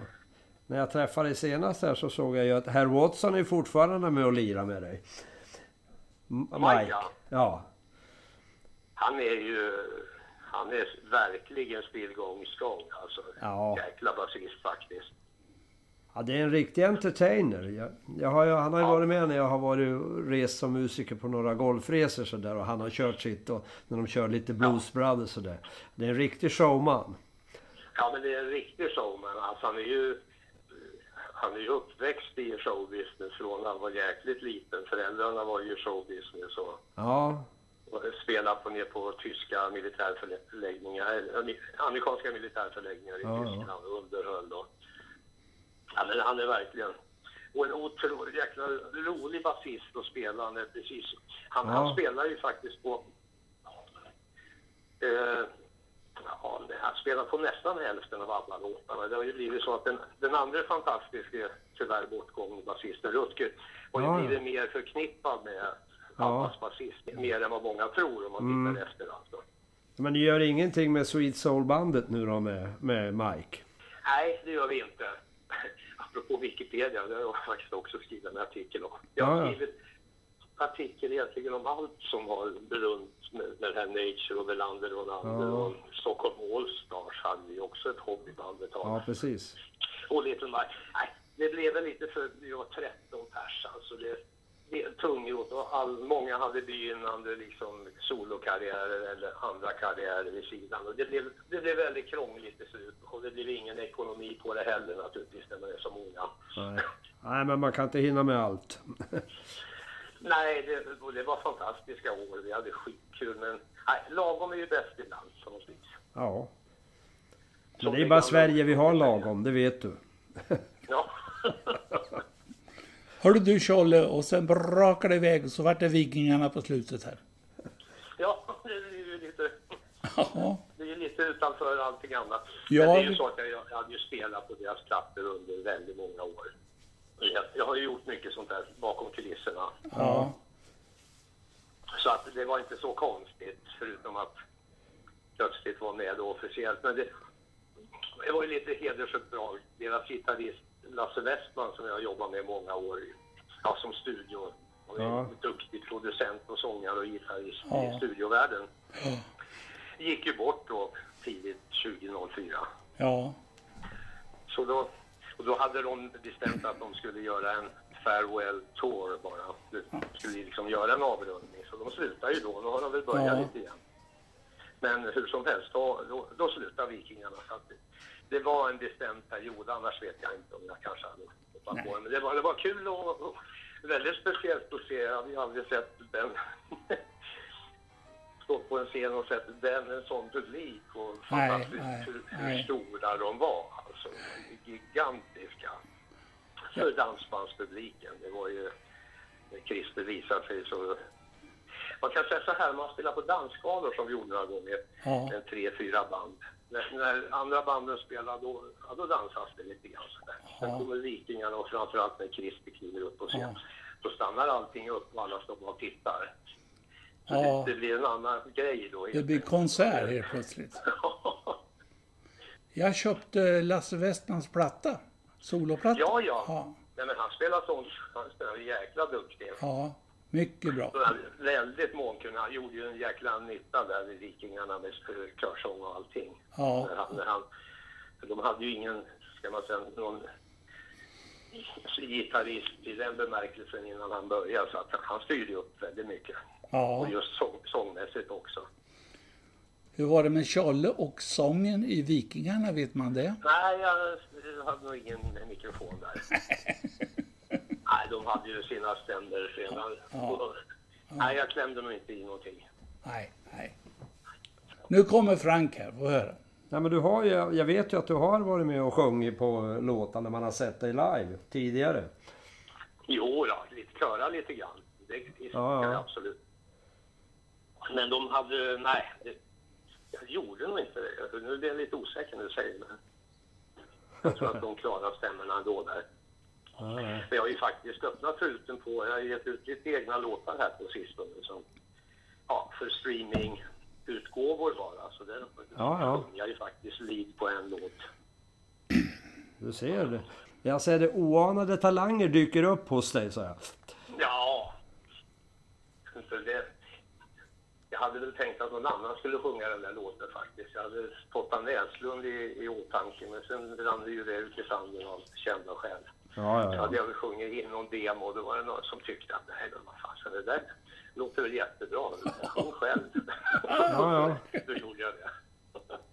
Pelle Smedberg, som jobbar på Hagström Musik på Järntorget. Ja, Trummis. ja, ja, ja. Han eh, påstod att du har köpt en guldtopp av honom där. Och sen hade ni spelat ihop med Pipen Östlund eh, i Lillån på något jobb. Ja, det stämmer det. Det Jag stämmer ja. hoppade in ett par gånger med, med det gänget. Ja, Men vad det gäller Goldtoppen så den köpte jag, den köpte jag i Hallstahammar. jaha. Men det, det, det, det finns en koppling till Hagström musik så jag fick tips Hagström och det var nog kanske från början eh, att jag hade frågat runt i Örebro. Det hade ju gått när man då ramlade in i det här och lyssnade på Clapton och så förstod man ju att, och Mick Taylor Green också för övrigt, att det är ju där- för man undrar hur fasen får de det här ljudet? Ja, Då förstod man ju, nej det är ingen fastbox eller någonting utan det är en Gibson Les Paul och en Marshall-förstärkare. ja, Så jag jagade reda på och ringde runt och fick napp på Hagström Musik i Västerås. Där de visste att det fanns en kille i Hallstahammar som spelade i ett gammeldansgäng. Som hade en Les Paul och var inne på att köpa en, eh, en orkestergitarr istället. Så jag fick hans nummer bestämde och listade dit. Då hade vi flyttat till Örebro så jag bodde på Glanshammarsvägen så vägen gick ju rakt utanför. ja. Så jag liftade dit och tittade på den. Liftade hem och lånade 1300 kronor av föräldrarna och liftade tillbaka och köpte den och liftade hem. Köpte Les Paulen för Så det- 1300 Det fanns eller? en Ha- Hagström musikkoppling men det, det var inte på Järntorget. Däremot köpte jag en 50 watts Marshall Top och det var den första de sålde. Jag tror jag fick vänta tre månader på att den, att den kom överhuvudtaget. Så då hade jag ju fattat det där Marshall och Les Paul ska man ha. Var det, var det Järntorget där, Hagström? Eller? Ja, det var på Järntorget. Då var det Pelle Smedberg säkert. Ja, Pelle Smedberg. Men, och vad hette den andra killen? Agemyr. Ja, Agemyr Kenneth Agemyr. Agemyr, ja. Just det. och Göte Norman fanns det någon som hette också. Mm. Ja, jag kommer ihåg dem. Ja, jag har faktiskt eh, avbetalningskontraktet kvar. Farsan var tvungen att skriva på det, för jag var ju minderårig. Ja, ja. Det där har man varit med om. bytte- in en Gösta Bäckström-stärkare som jag hade haft att spela bas igenom. Ja, ja. En sån gammal grön klassiker. Hade du Goodman-högtalare då till den? Jag kommer inte ihåg om det var Goodman eller möjligtvis Philips. Ja, ja, ja. Vad det var för låda jag hade. En ganska stor, tung åbäck i alla fall. ja. Ja, ja. Min första rörförstärkare det var en linjär Concorde den såg ju också ut som en brödrost. Ja, 35 watt eller något sånt där. Så det var... Men det var kul. ja, ja men det är ju inga dåliga grejer. Det är Nej. liksom, den grundtekniken gäller fortfarande idag. Ja, det gör det. Ja, Jag kommer det, ska ihåg- det ska ju vara så. Ja. Jag har lirat ganska många år på en billig... Den heter Bulgera, den är kinesiska. Nu vill man inte köpa någon från Kina längre. Nej. Ja, men det är ju bogeykopior det. Ja, det är en riktig rörstärkare. Ja. Okomplicerat. Det är Men- som en Marshall eller Trainer. Ja, bogeyan är väl upphärmad efter lite grann tror jag. Ja, Så att... ja, det är en eh, bra, bra stärkare. Ja. Absolut. Men jag kommer ihåg någon gång du hade sagt att du gillade doften av när du hade plockat upp en Marshall-stärkare. Doften av en ny Marshall. Ja, men det, alltså det, det kan jag nästan känna fortfarande. Jag vet inte om- det är limmet eller när, den, när de börjar bli varma för första gången. Ja, ja.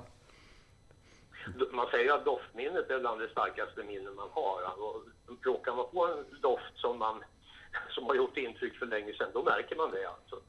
Ja.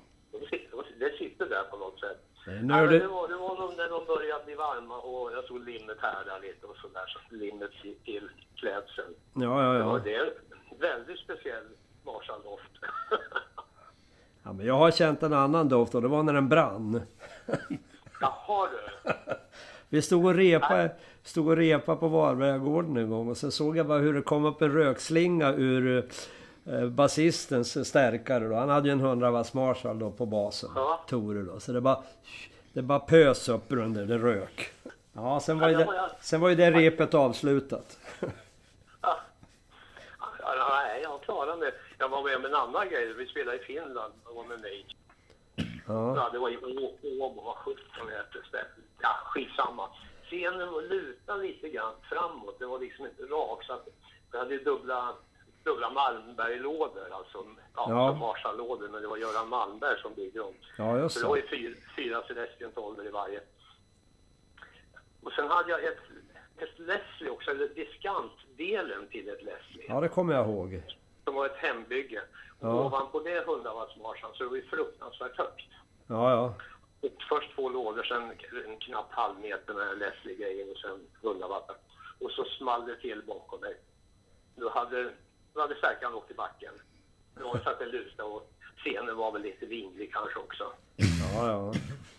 Men eh, ja, sladdar gick jag av och gick ur och men efter lite tur och löda ihop lite nya till högtalarna, så då var det bara att köra igång igen.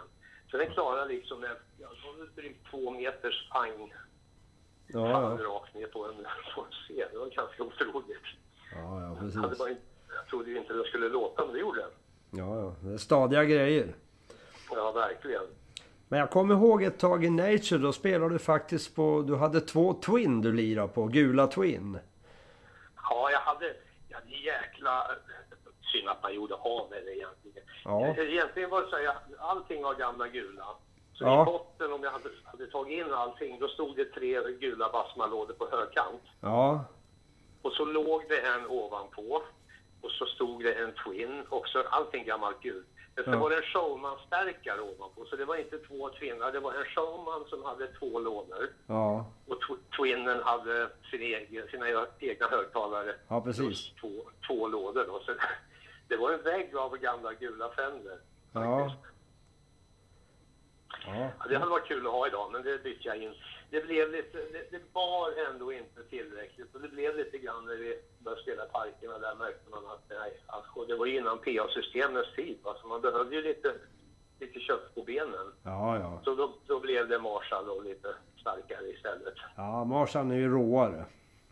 Ja, det var jäkligt bra diskljud i det här, men det, det var inget vidare rent ljud konstigt nog. Alltså om man ville ha lite volym på rent ljud så var det inte så mycket. Nej, nej, nej. Men jag ångrar ju att man har gjort av med det där. Ja, Jag minns, eh, det är Lollo som pratar, jag, jag minns Tommy Svensson. Han eh, var missnöjd med sin 100 watts Marshall. Det var så jävla skitigt ljud. Och eh, han, han böt slutrör då till El34 var det. Tre, fyra stycken. Ja. Ja, Och- El34 ska det väl vara? Ja, visst. Men så fick han i dem där. Det vart för rent. Så hade han ingen sustain längre, vet du. Nej. Så han, han stoppade tillbaks de där gamla rören, kommer jag ihåg Tommy. Ja. För då får det Det är jäkligt, tror jag. Ett tag så ju på man skulle ju köpa ryska rör. Jaha.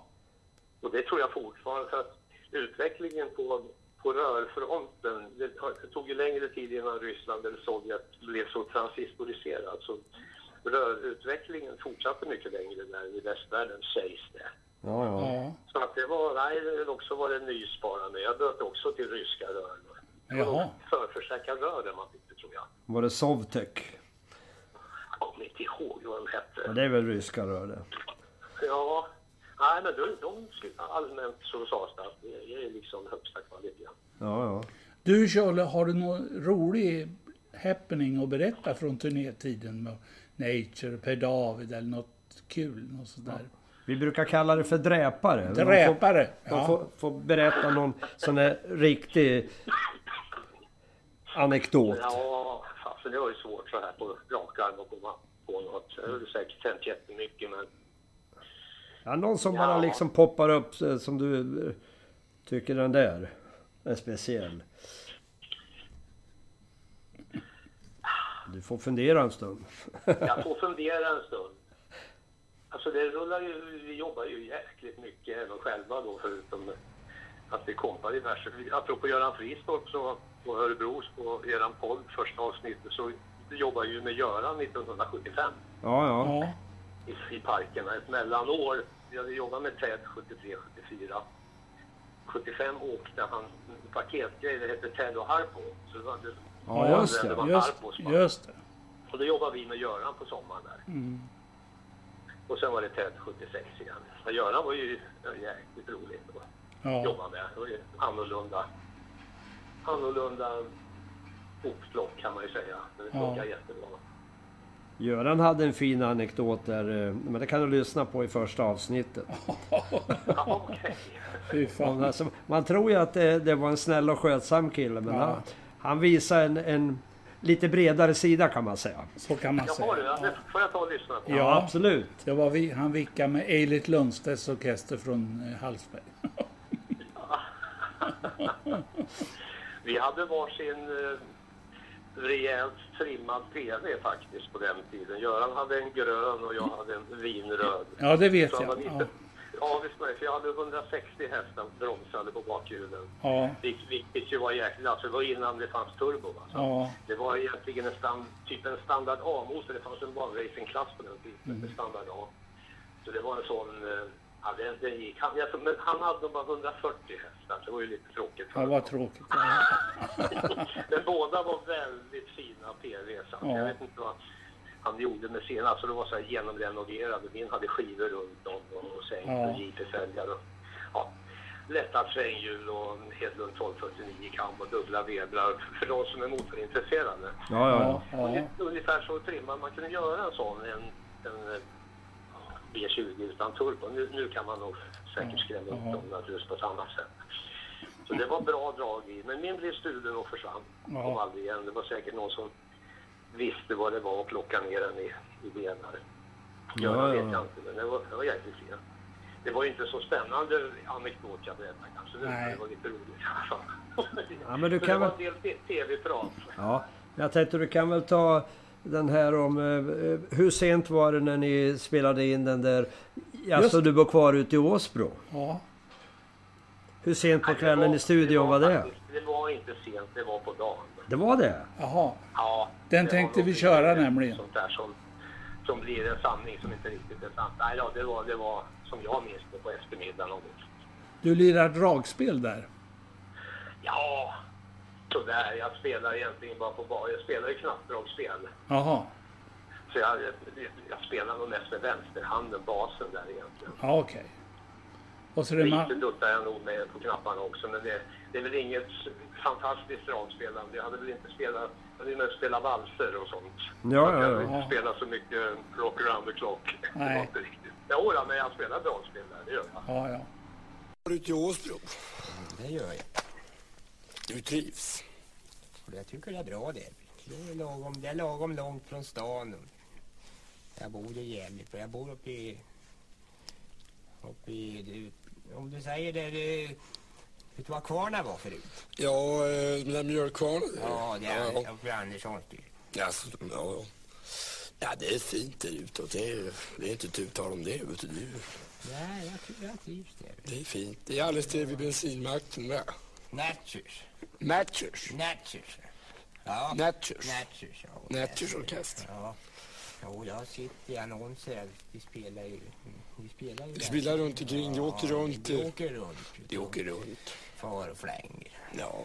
Ja, det är inget fel på ungdomen. Det, det, det, det tycker jag att det, Nej, det, det var andra förhållanden på våran tid. Ja, Fick en inte ha sånt där hår. Var att dra fram potta och sätta över skallen. Nu, det skålar vi på va? ja, det, Skål på det. ja, vet jag har pengar. Det, Ja, visst, vi har mycket pengar. Det, är lär tjäna en 10 000 om, det gör vi på en kväll. på en kväll. Tar det 10 000? Det gör de. Ja, det gör det. Ni bor där utåt Lidingö och vad de kallar det. vet du. Lidingö och Djurgården de kallar Ja, vi, Där bor de alla de rika. Vet du. Där har väl den här orkestern, de har väl, de har väl stuga där utåt också va? Hörde du, det, det, det, det är nog inte otroligt. Nej, nej, vi får låta, låta vara det osagt. Nej då. Ja, det är stora åldersskillnader i den där orkestern. Mitt han Ronander, han är väl inte mer än 13 år och han Skoglund, han är väl uppåt en 50.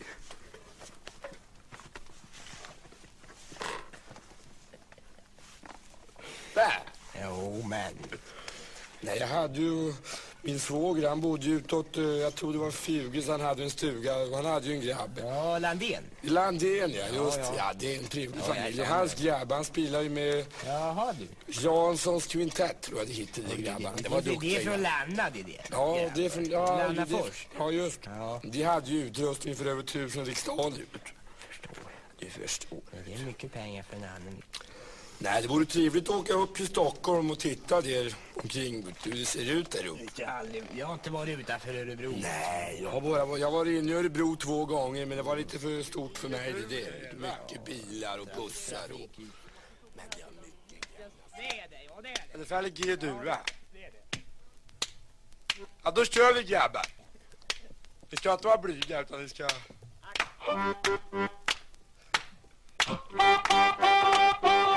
Música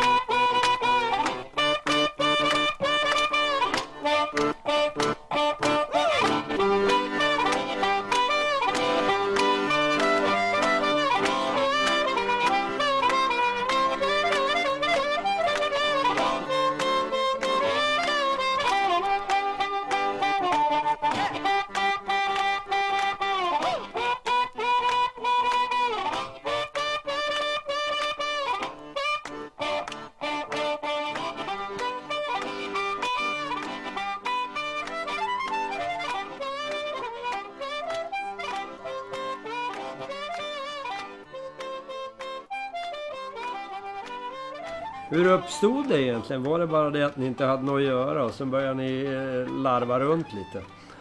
Med det Jo, där? att det där var, vi brukar hålla på och göra sådär på skoj med alla. Lätta upp stämningen? Turné. Vi hade ju redan börjat jobba lite med Pugg då. Ja, Vi började kompa honom på lite gig och det blev väldigt mycket. Han var ju jäkligt poppis 72 så det var väldigt mycket jobb med honom. ja. Jag tror att det var så att vi brukar göra sådär och det tyckte han var jäkligt roligt. Jag kan tänka mig att det var så. Jag kommer inte riktigt ihåg men det tror jag faktiskt.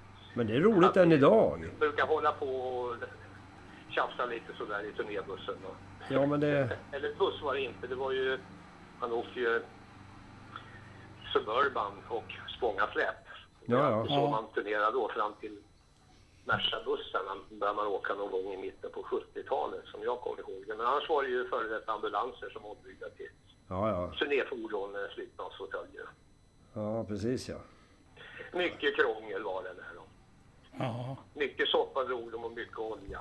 Ja. Ja, de var Och det var törstiga. ju jävla alltid, det fanns ingen riktig standard hur släpkopplingar. Det, idag är det ju liksom en vet inte hur mycket man har legat och kopplat och så. Ja. Nej, nu är det blinkers, nej, nu är det bromsljus, ja. då får vi vända på dem. Och... När, när de släpade havererat. Ja, det var ju två varianter. Det var ju två, det var ju två varianter. Ett, ett Lukas och ett Bosch. Ja, vad så det var ja. Så var det ja. Och det visste man aldrig riktigt. Nej, nej. Lukas-systemet, det var ju de som uppfann mörkret säger de.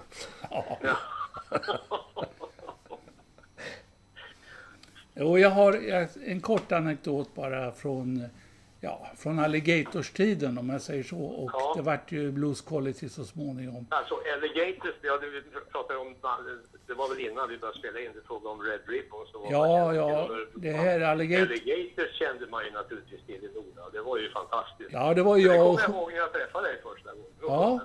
det var lite, det var jag lite starstruck blev man då. Ja, Nu är det tvärtom.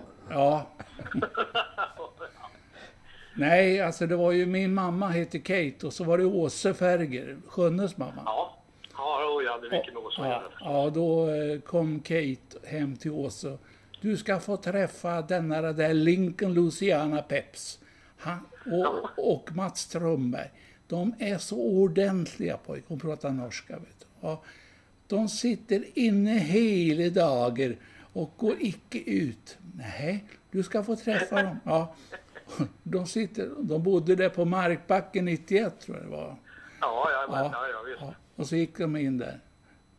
Och så slet hon upp dörren, vet du. Det var som slaget vid Lützen där inne, vet du. Och Och, så ordentliga killar. ja, de går icke ut. De, ja, det var, solen sken och det var sommar. Då, så att, och, och, och de vinkade åt min mamma. Hej, hej. Så, Jag undrar om inte Åse förstod det där. nej, Ja, det men mamma nog- hon, mamma hon förstod direkt. Ja. Ja, Åse, jag glömmer O- Opel Admiralen.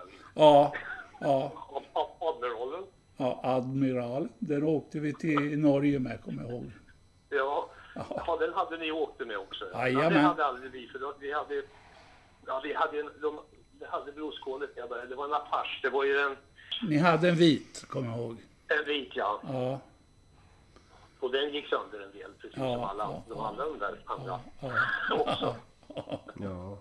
Men när du är inne på Åse, det var det liksom det. Hon startade ju ändå upp det här med Powerhouse. Ja. Så Ja, att jag menar, hon är ju, hon är ju mamma till mycket musik har kommit från Örebro också. Jo, men väldigt mycket. Ja, Väldigt, väldigt mycket faktiskt. så jag säger, men många har ju, har ju henne att tacka för det alltså. Ja, definitivt. Ja, Och, och trombon-Olle. Ja, ja, ja. ja. Askelund ja. Trombon Askelund.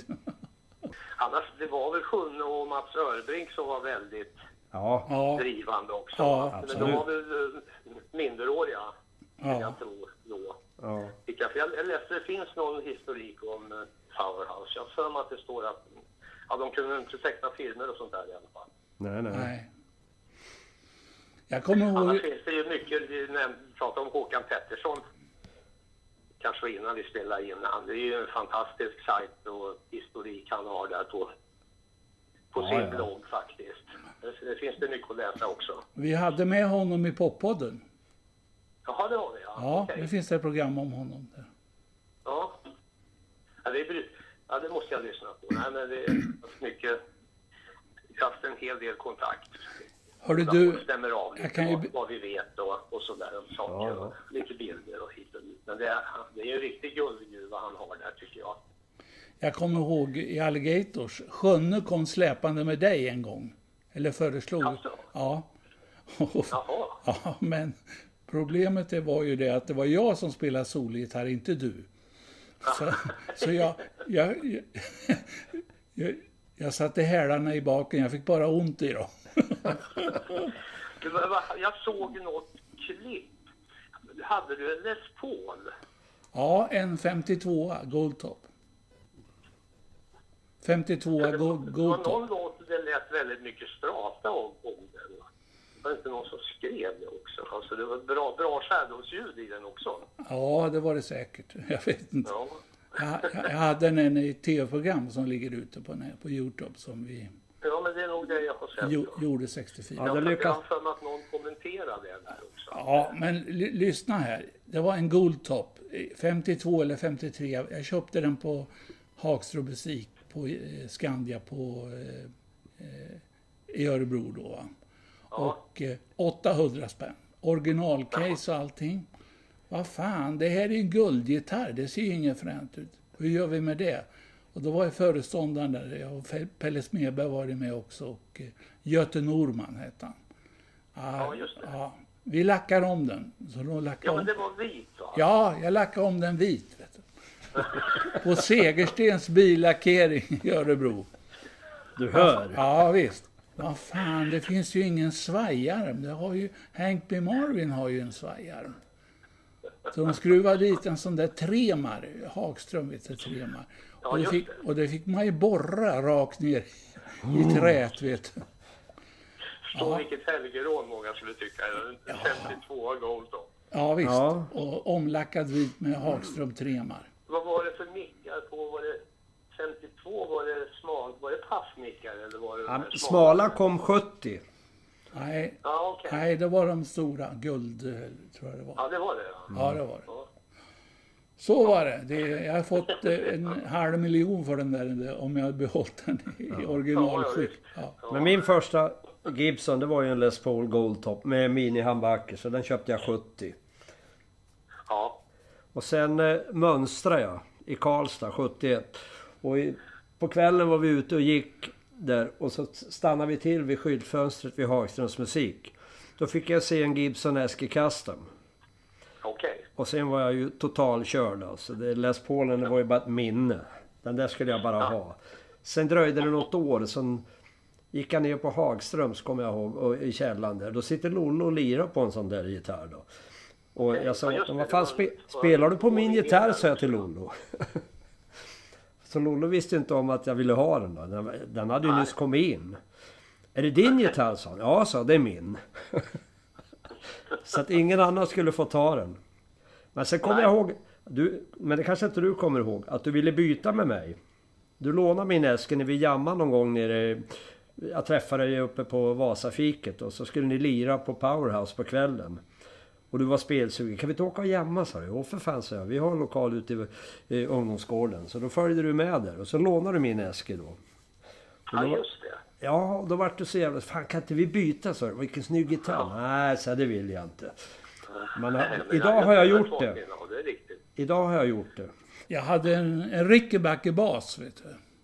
Ja, September 67. Den har jag haft kvar i alla tider. Men jag, Okej. såld, jag sålde den nu. Ja men på något vis när det bara ligger och liksom en Paul, man vågar inte ha med den där. Jag står i garderoben, gig. Dessutom har jag i många år spelat på ja, kombinationen att man har en handbacker och två single coil. Alltså det, är- det, Ja. liksom, det, det ger ju bredare ljudmöjligheter på något Ja. vis. Att, Ja, det gör det. Okej, rena bluesgig då. Och Det har varit så mycket, men det, det funkar. Jag spelar på en Variax i många år. En James Tyler Variax. Ja. Ja, det såg jag nu när jag såg dig på Clarion. Ja, just det. Den är ju skitbra. Dels eh, emulerar ju den en massa gitarrer om man vill, men sen har den ju väldigt bra egna magnetmickar. Alltså, Ja, ja. James Tyler är ju någon sån här liten... Någon av USAs motsvarighet till Arne Arvidsson kan man väl säga ungefär. Så- Ja, ja, ja. Och Line 6, de hade ju, gav ju ut den här Variax för ganska många år sedan. En jäkla bra idé. För det, Den det första modellen, De här emuleringarna. Men den första varianten var lite... Som instrumentbygge var det inget vidare. Och dessutom hade den inga vanliga mickar så man var hänvisad till det här Ja, ja. emuleringssystemet hela tiden. Så jag tror inte den sålde så bra. Men om jag fattade det rätt så ville de inte släppa det för de tyckte de hade något väldigt bra. Då, då, då kopplar man in den här James Tyler Ja, ja. för att till att börja med bygga ett bra instrument och sen att den också har vanliga mickar. ja. Men funkade den bra, den första variaxen du lirade på då, så att säga? Så att det inte vart någon massa fördröjningar när man lirade? Nej, det är konstigt nog inte de, inte de jag har haft alltså. Det, Jag vet inte hur man hur det här funkar egentligen men man upplever ingen fördröjning. Nej, nej. Och sen kan man ju tycka rent filosofiskt det är väl väldigt konstigt med konstgjorda ljud men elgitarr från början till slut är ju ett ganska konstgjort ljud. Ja, Man, mycket. man har liksom bara flyttat den här processen kan man ju säga.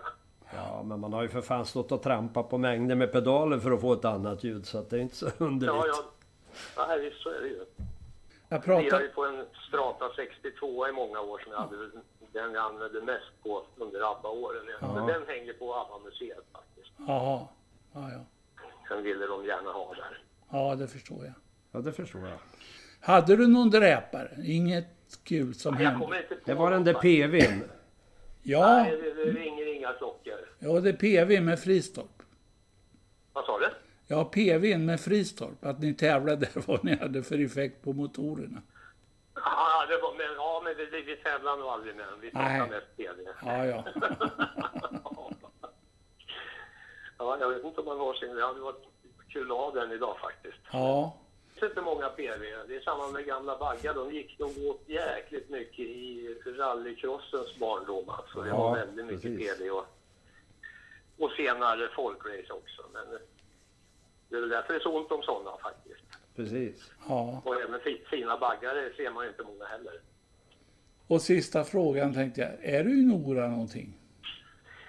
Ja, det var länge sedan. Men min brorsa bor i Nora Ja. sedan ett antal år. Ja, Så att vi hälsar på då och då, men eh, nu var det ett tag sedan. Och så Ja. tiden är nu så lär det väl dröja ett tag. Han är Ja, fyra år äldre än mig så att vi, nu åker man väl inte och hälsar på någon överhuvudtaget. nej. Fan, Anitras dans. Ja men, ja, men spel, det, vore, det tycker jag vore, spela gärna den. ja, Det tycker ja, jag men då, ja. Det tycker jag blir rolig och ja, in, inte förstörd om man säger så. Nej, nej.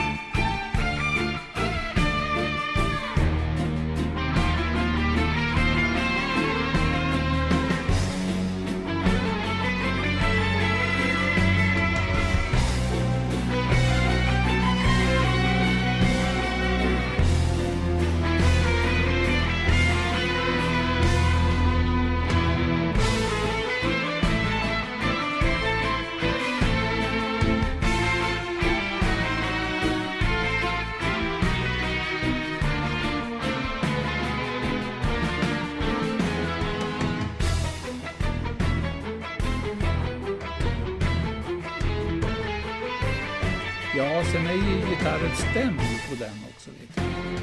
ja, dessutom är det Ja, just det. Ja, jag kan väl passa på i det här läget och, klaga lite på det. Det är ju vad som spelas på, på radion i Sverige med det här playlist-systemet. Ja, Alltså, för att det, ja. det blir något fruktansvärt enkelriktat och smalt, det som man, man hör på P4 då. Ja, Och jag antar att jag tänkt, vet hur det funkar. Det är ju de, de, eh, den 11 stycken lokala musikproducenter som Ja. sammanträder då och då och har med sig låtar och föreslår. Ja. Sen bestäms det om det ska hamna på A, B, C eller D-lista. Just och då, och det, det är ju en ruggig maktkoncentration. Alltså. Man, Ja. ja. men du hör ju aldrig till exempel något som Göran Fridstad gör. Eller många andra hör du aldrig överhuvudtaget heller. Utan Nej. det är ju en väldig likriktning. Man hör aldrig jazz, man hör aldrig någon trubadur, man hör ingen folkmusik. Nej. Så det är en ruggig maktkoncentration och dessutom är det som har bestämdes för ett tag sedan för att någonting ska kunna testas till Svensktoppen. Ja. förutsätter det att det har legat på P4 spellista. Och sen kollar man utifrån det också hur många streams ger låtarna och det hänger ju också ihop. Jag menar, kan, kommer det inte på, man inte hör någonting på radio, då kanske man inte börjar jaga det på Spotify heller. Så att det liksom alltid, och så att ingenting kan hamna på Svensktoppen om det inte har legat på spellistan. Nej. Det borde någon undersökande journalist rota i lite, för det, det, det är inte public service. Medelåldern Ja, det- på de här producenterna måste väl vara 23 år då eller något sånt där? Nej, man titt, du kan gå, kan gå till den sidan och man bara söker på P4 och spellista. Ja, ja. Och så, då finns det också man kan länka till. Då ser man vilka som är de här producenterna. Jag tror inte alla är med på bild, men jag tror att det är 11 stycken. Nej, de är faktiskt inte så unga, men de kanske vill vara. Därför de bara spelar sån musik. Nej, men jag... Till salu föra dig med de kontakter jag hade. Det var inte lätt. Det Ja, gick, just- det gick ju Nej, inte. vi, vi var ju inne på det. Ja, Ja, jo men jag Ja, försökte. Jag försökte, Nej, det ja. går inte. Nej. Nej, det, det går inte. Det går inte. Och nu för tiden, förr för bara några år sedan så var det ju ändå så att lokalradiostationerna kunde ha sina egna musikprov, eller spela lite vad de vill, men även de är styrda nu av spellistorna. Ja, Jo, det vet jag. Jag försökte då... Jag lämnade ju min CD till eh, lokalradion när jag tänkte att de kunde spela någon låt då. Ja, Stendött. ja det går inte. Nej. nej. Och om man åker som vi bor här, det bor ju mellan Stockholm, eller Bålsta och Enköping kan man säga. Ja. Och då här kan vara när man åker bil så kan det slå lite mellan olika lokalradiostationer. Men det är samma låtar som ligger hela tiden. Sen kan det diffa några sekunder då om det har varit något inslag som har varit lite längre eller kortare. Ja, ja, ja. Men det är samma flöde som går hela tiden. Ja, Ja, det, är- det, är- jag tycker det är för jäkligt. Och då pratar jag inte bara i egen sak utan för hela Världen på något vis, för bredden. Det är, det, ja, bara till, till jazzfolkmusik och allt annat som man aldrig hör.